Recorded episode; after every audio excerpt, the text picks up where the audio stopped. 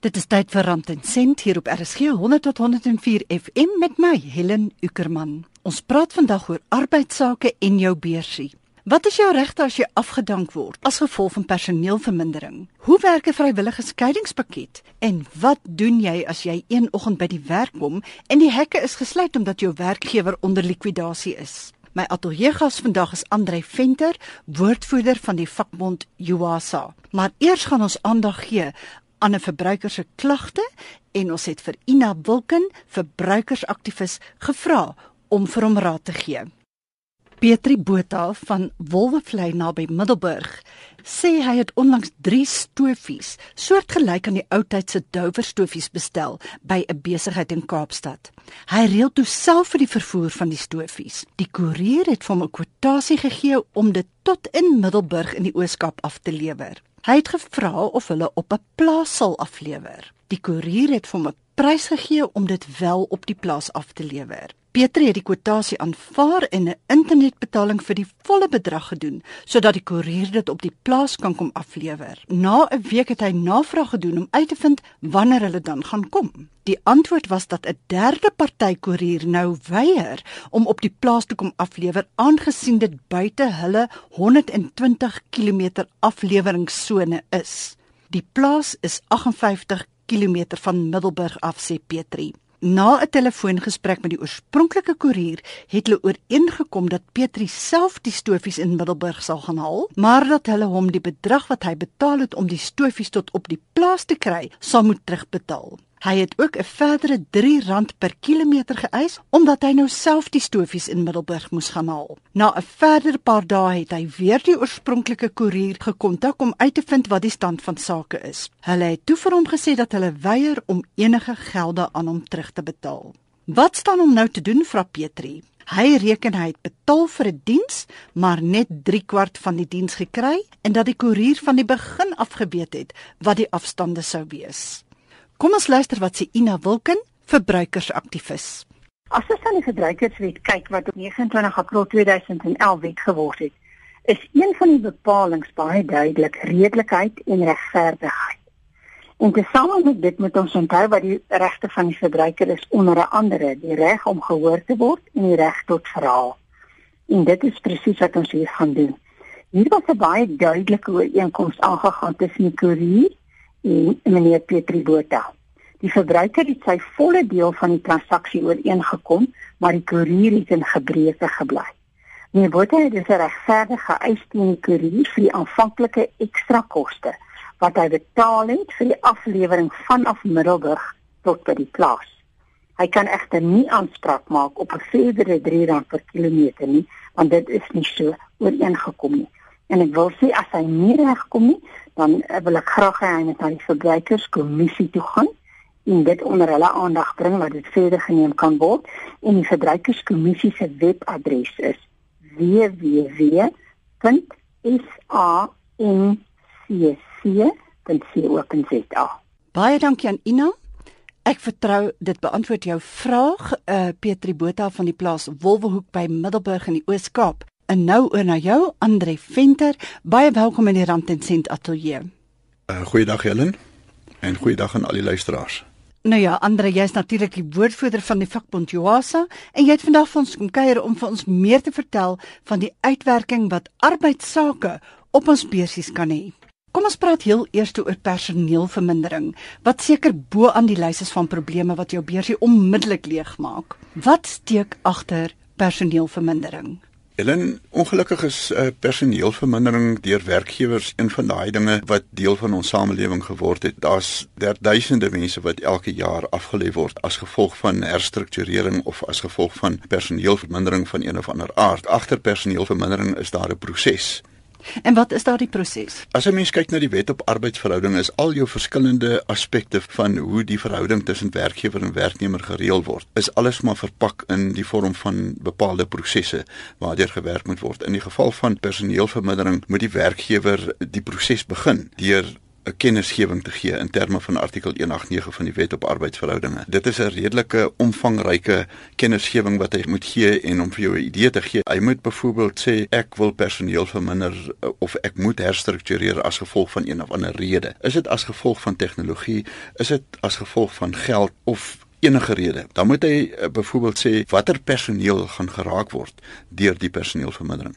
Watter kategorie werkers, is dit 'n individuele werker, is dit 'n groep en is dit al die werkers wat geraak gaan word daardeur? Watse alternatiewe het hy oorweeg om nie mense af te lê nie? Die redes hoekom hy nie een van daardie redes kon akkommodeer nie en dan uiteindelik dan sê goed, ons gaan voort met die herstrukturering en dan moet hy die proses uitspel om personeelvermindering te voorkom, byvoorbeeld vrywillige skeidingspakkette. So eerstens gee hy dan werknemers kans om vrywillig te gaan deur vir hulle 'n skeiingspakket aan te bied.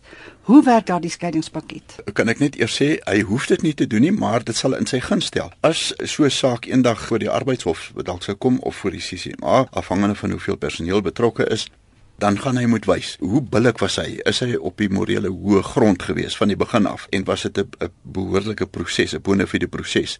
Andre ek het nou al in die verlede self 'n vrywillige skeiingspakket aanvaar. En daar is toe namens ons beding dat ons nou elkeen 'n paar duisend rand kry om ons studies voort te sit of ons kwalifikasies te verbeter om dit dan nou vir ons makliker te maak om ander werk te kry. 'n werkgewer is seker dan ook nie verplig om dit te doen nie. Die wet op arbeidsverhoudinge en die wet op basiese diensvoorwaardes bepaal bepaal dat die werkgewer aan 'n werknemer 'n week vir elke voltooide jaar diens moet betaal. Is 'n skeiingspakket en daarmee saam natuurlik die waarde van opgehoopte verlof, 'n maand kennis, die standaard goedjies. So om vir mense dan ekstra te betaal om 'n nuwe lewe te begin na die afdanking. Dit plaas onmiddellik die werkgewer op 'n beter plek op die morele hoë grond. Dit is ook beter vir die werknemers wat geaffekteer is. Feit bly staan as die proses begin het, dan is daar amper nie jy moet regtig waar uithaal om die proses te staak beste wat hulle kan doen is om die bitterpil so goed moontlik te versuiker. Jy's by Rand en Sent met Helen op RSG 100 tot 104 FM en ons praat met Andre Venter, woordvoerder van die vakbond Joasa oor die uitwerking van arbeidsake op jou beursie. Hanlie Stadler van Kaapstad is 'n luisteraar wat die volgende gevra het: onder watter omstandighede moet of kan die kommissie vir versoening, bemiddeling en arbitrasie by personeelvermindering betrek word? Mag werkers versoek dat die KVBA of dalk beter bekend as die CCMA in Engels betrek word? Eh, met die oorspronklike skryf van die wet op uh, arbeidsverhoudinge in 1995 was artikel 189 van die wet in plek gesit en dit het die proses uitgespel. In latere wysigings aan die wet is artikel 189A ingesluit. En dit is bedoel vir werkgewers waar 50 en meer werkers betrokke is. Kan die partye in daai geval 'n versoek rig aan die CCMA om betrokke te raak? Wat dan prakties gebeur? Nou is dit nie meer die werkgewer en die werknemers en die vakbonde wat betrokke is om te konsulteer en om by 'n duidelike antwoord te kom oor hoeveel mense afgelê moet word nie, maar nou raak die CCMA betrokke in die vorm van fasiliteerders. Daar's 'n 'n kommissaris wat daar sit. Hy luister na al twee die partye. Hy luister na die vertoë wat gerig word en uiteindelik probeer hy 'n ooreenkoms fasiliteer om te sê hoeveel mense gaan uiteindelik afgelê word, wat is die voorwaardes daarvan aanverbonde, die tydperke en so meer. Dit gebeur soms dat personeel sommer een oggend by die werk aankom net om te sien dat die perseel is gesluit omdat die werkgewer nou in likwidasie is. En dit is so 'n reuse skok as jy nou niks vermoedend daar aankom. Mag werkgewers so optree en wat is 'n mens se opsie nou in so 'n geval? Ellen, weet jy, dit is seker een van die afgryslikste dinge wat kan gebeur met 'n werker. Niks vermoedend en sonder vooraf kennisgewing. Ons het dit al 'n klompie kere beleef waar ons oproepe van lede kry en sê maar hoorie, ek het nou net by my werkplek aangekom. Die hekke is gesluit. Alles is doodstil ons kan met niemand praat, ons kry niemand in die hande nie. Daar's net 'n kennisgewing op die hek gesit om te sê skakel jou vakbond, ons het aansoek gedoen by die hof om likwidasie. En wat is jou regte as 'n werknemer? Dit is tragies. Dit is tragies, maar jy het nie verskriklik baie regte nie, want dit is nou 'n regsproses wat sy verloop neem. Die werkgewer het na die hof toe gegaan, aansoek gedoen om likwidasie. Die hof stel 'n likwidateur aan en hy begin dan 'n proses om 'n lys van konkurrente krediteure op te stel. Jy as 'n werker is nou maar net een van daai konkurrente krediteure. Feit bly staan onmiddellik in jou kop begin jy besef en jou kop begin maal om te sê maar luister, gaan ek betaling kry aan die einde van die maand? Antwoord is nee jy gaan nie betaling kry aan die einde van die maand nie. Dan begin jy dink, maar waar gaan ek geld kry om my kar te betaal? Waar gaan ek geld kry om my huis te betaal? My water en ligte, my kinders se skoolfonds. Al daardie goede skielik kom jou lewe tot 'n stilstand. En dit is dan altyd 'n langdurige proses. Ons kan onthou 'n jaar of 2 gelede die welbekende geval van Aurora waar werkers letterlik aan 'n draadjie gehang het vir 'n paar jaar, geen inkomste nie as gevolg van van die likwidateur en die regsprosesse wat sy verloop geneem het en net nooit tot 'n einde gekom het nie. Ter terwyl die likwidasieproses aan die gang is, is jy vir alle praktiese doeleindes nog 'n werknemer. En wanneer jy dan nou gaan rondkyk vir 'n ander werk, dan moet jy uiteindelik na die likwidateur toe gaan en dan afstand doen van jou eis vir as die saak eendag afgehandel is en dan om jou sogenaamd uh, uh, om jou so te stel om jou vry te stel uh, sodat jy elders kan gaan 'n werk vind. En omdat jy dan nou nog steeds 'n werknemer is kan jy nie gaan werkloosheidversekering eis nie. Jy kan niks doen. Jy's regtig op 'n baie slegte plek in jou lewe. Ons advies aan ons lede is dink mooi oor jouself. Wat kan jy doen? Hoe kan jy uit hierdie ding uitkom? En as jy enigstens kan gaan kyk rond of jy nie intussen ander werk kan kry nie want jy moet nog steeds aan die lewe bly. Die skuldeisers gaan jou nie los nie. Hulle gaan simpatiek teenoor jou wees, maar die rentes gaan oploop. Hulle gaan vir jou sê, "Goed, ons gaan jou uitstel gee om jou skuld te betaal, maar die rentes gaan loop." So as jy eendag weer gaan begin betaal, gaan jy baie betaal. Ons advies aan ons lede wat geaffekteer word deur so 'n situasie is, gaan soek dalk vir jou so gou as moontlik aan 'n werk, maak 'n nuwe begin want daar's werklik waar baie min wat jou te doen staan in so 'n situasie. Rus daar dan geen verpligting op sulke werkgewers om daarom net hulle personeel te waarsku dat so 'n stap gedoen gaan word?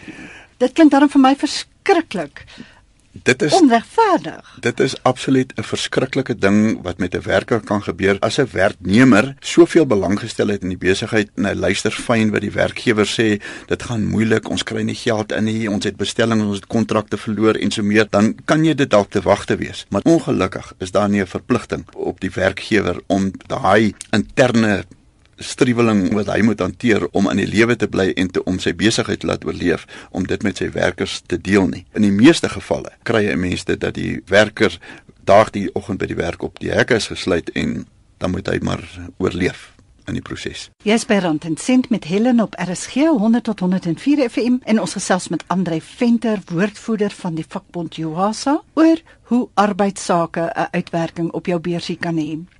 Andre Afrikaanse mense is nou nie altyd so gewillig om by vakbonde aan te sluit nie. Hoekom is dit so?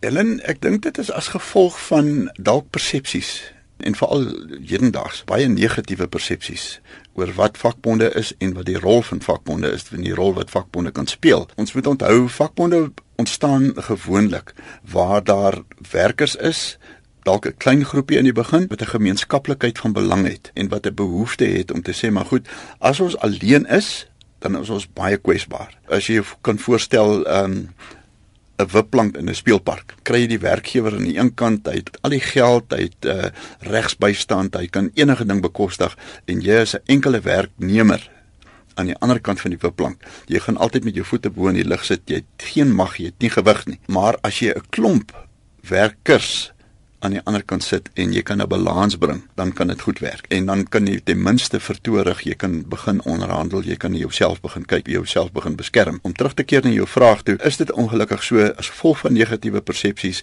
Afrikaanse mense dalk is nie gewoond aan vakbonde nie en as gevolg van dit wat ons op televisie sien, dit wat ons oor die radio hoor, sit nie so lekker in ons velle nie en daarom wil ons nie met so iets geassosieer wees nie. Maar as 'n mens by dit kan verbykyk en sê maar as ons as 'n groep werkers kan saam staan en ons kan vir onsself intelligente leiers daarstel wat intelligente argumente op die tafel kan sit en ons kan gaan sit onderhandel as ek onbillik behandel word in die werkplek en ek het 'n behoorlike gekwalifiseerde persoon uh, as 'n vakbond verteenwoordiger wat my kan bystaan. As 'n mens dit kan besef, dan maak dit absoluut sin om by 'n vakbond aan te sluit uh, vir jou eie beskerming. Dit is amper soos 'n versekeringspolis as jy sou wou of 'n klub waarby jy aansluit om na jou belange om te sien.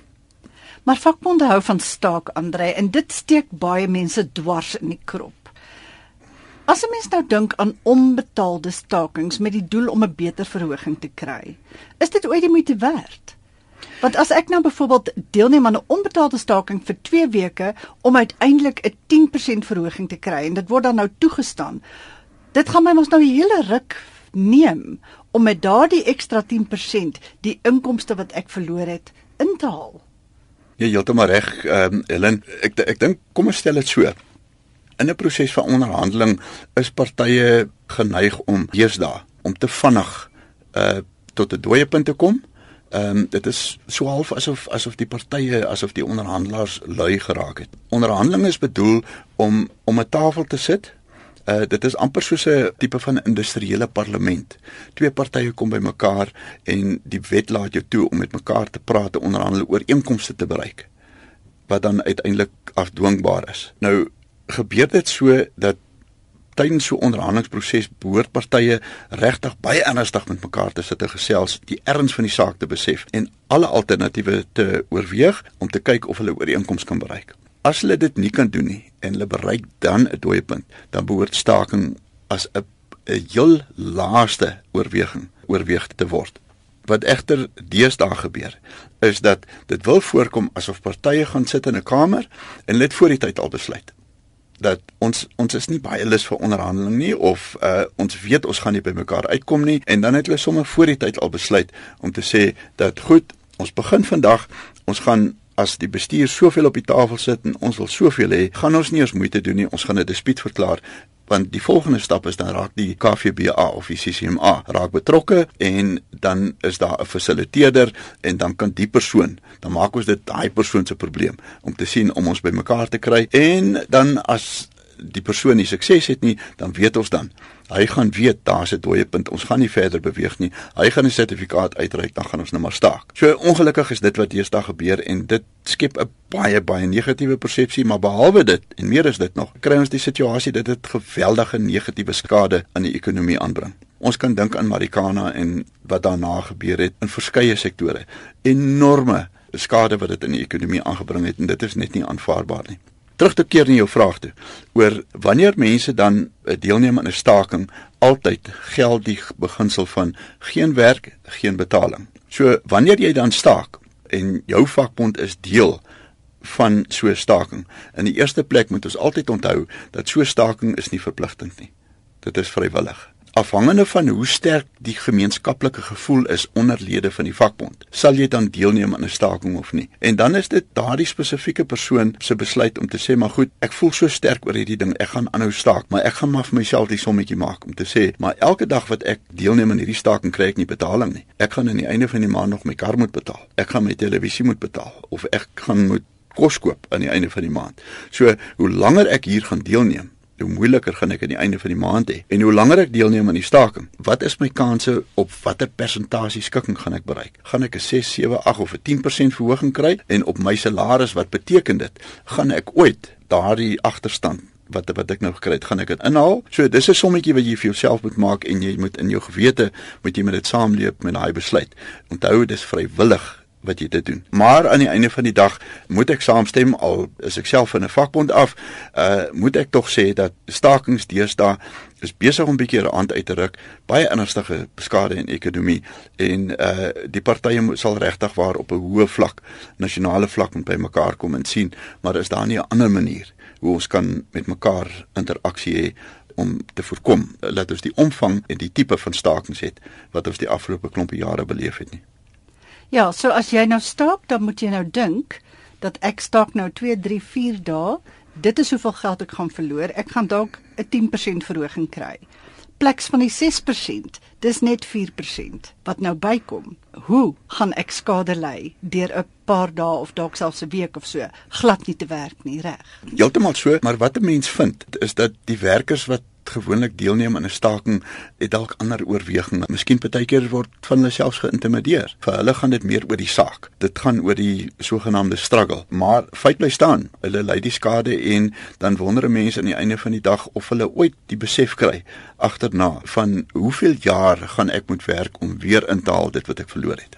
Andre, hoe kan ons meer ingelig raak oor arbeidsake en die uitwerking wat dit op ons lewens en op ons beursies het? Ek dink ons moet maar kyk na die media En ons moet maar sien wat gebeur by verskillende fronte in die media, sien wat gebeur met die ekonomie. Ek dink ons moet ons moet 'n meer intelligente benadering begin volg en ons werk meer ernstig opneem. Ons moet vir die regte redes werk. Ons moet werk om onsself beter toe te rus en vir onsself en ons families, maar ook vir die land iets te beteken en die ekonomie te help groei. En as ons dit wil doen, dan gaan ons meer lees, ons gaan meer vra, ons gaan meer deelneem aan verskeie prosesse en as ons dan 'n vakbond het, dan gaan ons ook druk plaas op ons vakbondleiers en hulle verantwoordelik hou oor wat hulle doen, wat hulle besluit en waarheen hulle ons lei.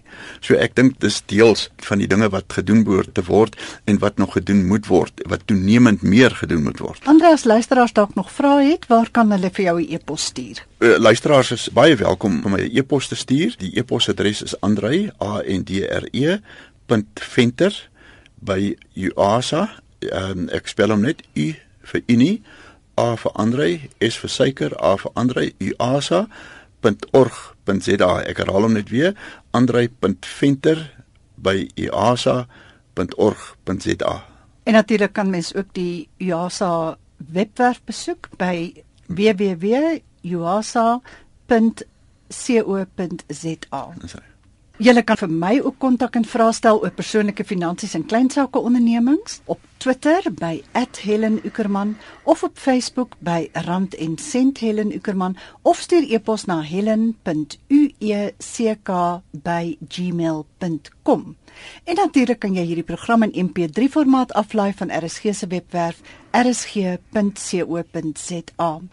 Dit is Helen Uckerman wat groet. Geniet die week wat voorlê en volgende Sondag om 04:30 gesels ons weer.